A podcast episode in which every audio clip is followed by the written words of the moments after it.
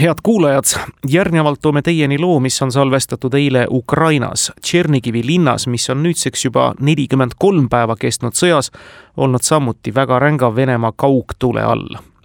hävinud on kuuldavasti umbes seitsekümmend protsenti linnast.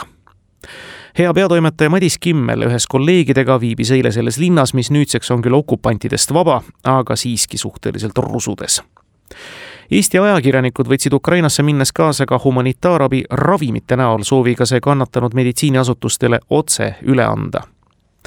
nõnda sündiski ja juhuse tahtel just Tšernigivi linnas linnahaiglas number kolm. Madise mikrofoni ees jagas selgitusi rusuvast olevikust ja masendavast lähiminevikust haigla peadirektor Viktor Ivanovitš Janhold. Условия постепенно улучшаются, появилась электроэнергия. Вот, на первых, первом и подвальном этаже появилась уже вода. ajakirjanike haiglasse saabudes tundus olevik direktorile juba pisut helgem. alustuseks ütles ta, et olukord linnas on paranenud, taastatud on elektriga varustatus. haigla esimesel ja keldrikorrusel on isegi veevarustus tagatud.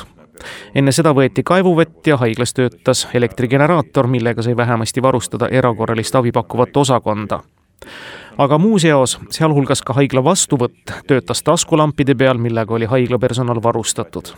muide, ka need taskulambid olid humanitaarabi korras haiglasse toimetatud ja üks taoline kast oli veel lahtigi tegemata nüüd, loodab direktor Janhold intervjuus, on elektrivarustus vast püsiv, sest kolm nädalat toimetati põhimõtteliselt pimedas, ilma veeta ja üleüldse igasugusest tsivilisatsioonist ära lõigatuna ja nüüd oodab ta siis, et tõesti kõik on stabiilselt tagasi.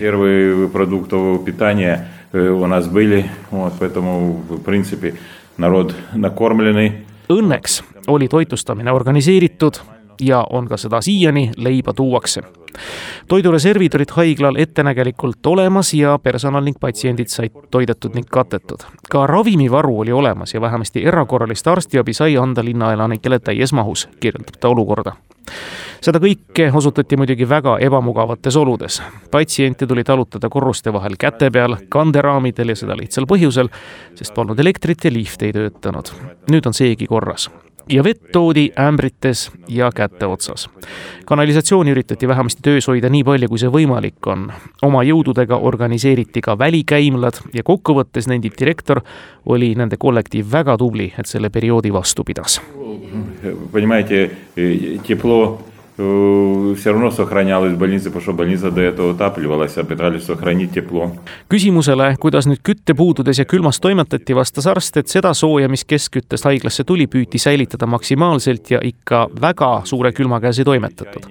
ja võimalust mööda püüti seda sooja tekitada ka ajutiselt. no näiteks õues keedeti teevett ja köögis toimetati gaasiballoonide abil, mille head sõbrad ja abistajad olid haiglasse toonud soe söök, soe jook oli tagatud ja lisaks ka generaatorid, mis hoidsid töös erinevaid seadmeid ja need keraldasid sooja ja seda kõike üritati säilitada. hiljem vaatas ka direktor nii-öelda kraadiklaasi pealt ja ütles, et siin toimetati üheksa kuni kolmeteist kraadise sooja peal. ja vahepeal oli ka siis paaripäevane periood, kus haiglas ka elektrivarustus oli taastutud, aga siis tabas linna uus pommirünnak, käis pauk ja taaskord kõik pimeduses. aga kus vodu brali? Vodokanal nas obespeč- Водоканал нас обеспечил обеспечивал привозной водой. Вот, привозили ее, в принципе, питьевой воды достаточно. küsimusele, kust siis täpselt vett võeti, vastas Jan Hold, et haiglat varustati spetsiaalse veejuhtmega. joogivee sai sealt kätte, lisaks tõid vabatahtlikud ka väga palju pudelivett. ja ettenägelikult sellisteks olukordadeks, räägib Jan Hold, on haiglas ka kaks basseini või noh, suurt mahutit ja seda just tehniliseks otstarbeks. üks kaheksateist kuupmeetrine ja teine kuueteist kuupmeetrine ja seda siis tõesti sanitaartehniliseks tarbeks, noh näiteks WC-sse vee saamiseks kasutati ka neid reserve. ja viimastel päevadel sadas Tšernigivis ka vihma ja sedagi koguti katustelt ja veetorudest ja võeti kenasti kasutusse. Вот, принимали эту воду, использовали ее.